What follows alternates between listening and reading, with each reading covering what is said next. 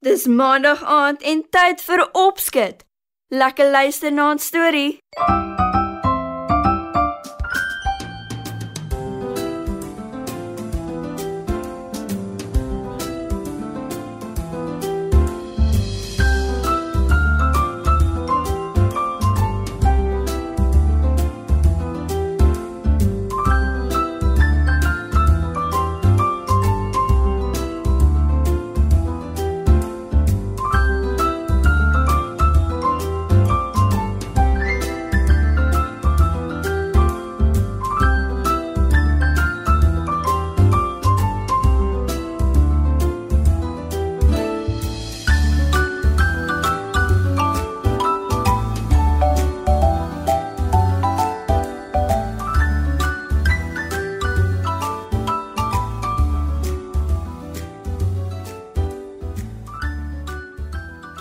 Goeienaand maats.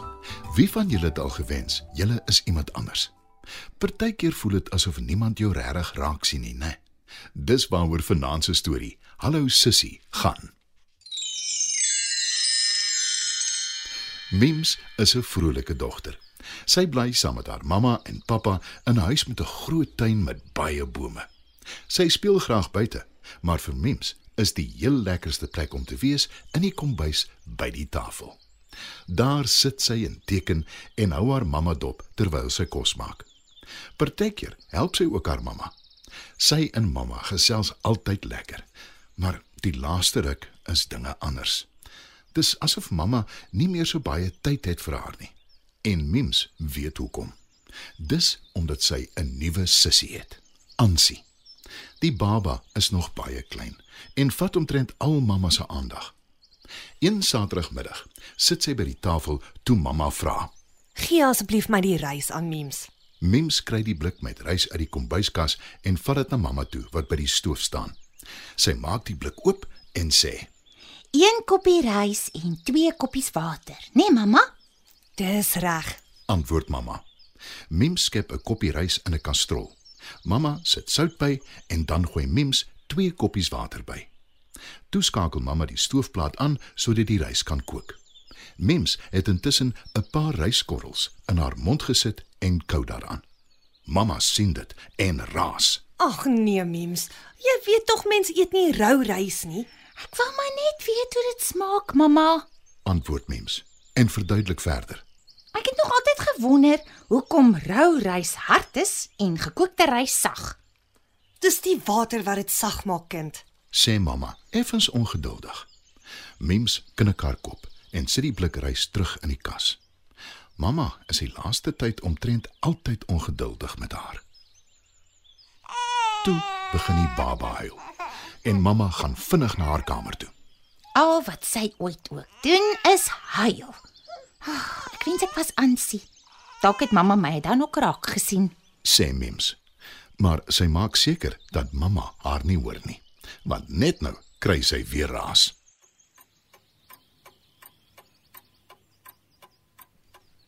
Na ete help Mims om die kombuis op te ruim. Daarna sê mamma vir Mims: Tannie Sanet en ouma kom net nou kuier. Onthou my net te kom groet. Ja, mamma. Antwoord Mims. Toe gaan mamma sitkamer toe. Na ete is dit altyd Mims se taak om die oorskietkos onder die groot doringboom in hulle erf uit te krap vir die voëls om te eet.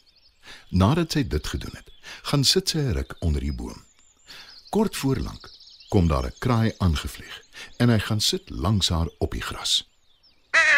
Mims kyk verbaas na die kraai. So iets het nog nooit gebeur nie.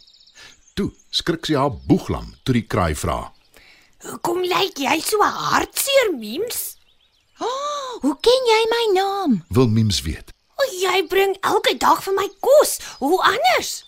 Antwoord die kraai. My mamma raas baie met my vandat ek 'n nuwe sussie gekry het. Ek mag niks doen nie, dan word sy kwaad. Nie eers 'n paar droë korrels rys kou nie. Ek weet nie hoekom nie. Antwoord Mims. Die kraai pik pik aan die oorskietrys en sê: Miskien moet jy haar help met die baba. O nee, ek mag glad nie eers aan haar vat nie. "Antwoord Mims." Regtig? Het jy jou mamma al gevra? Mims antwoord nie dadelik nie. Na 'n ruk skud sy haar kop en sê: Sy's te klein. Ek is bang ek laat val haar. Dis nie 'n verskoning nie. Gaan sit in 'n stoel en vra jou mamma om jou klein sussie op jou skoot te sit. Dan kyk jy wat gebeur. antwoord die kraai. Maar Mims is nie so seker of dit 'n goeie idee is nie. Die kraai sien dit en sê: Probeer dit net, mems. Jy het niks om te verloor nie. Intussen het ouma en tannie Sanet opgedaag en Mims weet sy moet liewer vinnig gaan groet voordat sy weer raas kry. Toe Mims in die sitkamer kom sien sy hoe tannie Sanet en ouma beurt toe maak om die baba vas te hou. Mims groet hulle en tannie Sanet sê: Is jou sussie nie net die heel oulikste baba ooit nie? Mims knik. Maar toe vat ouma die baba en sy begin skielik kliphard huil. Ouma gee haar terug vir mamma en sê: Sy soek seker haar mamma.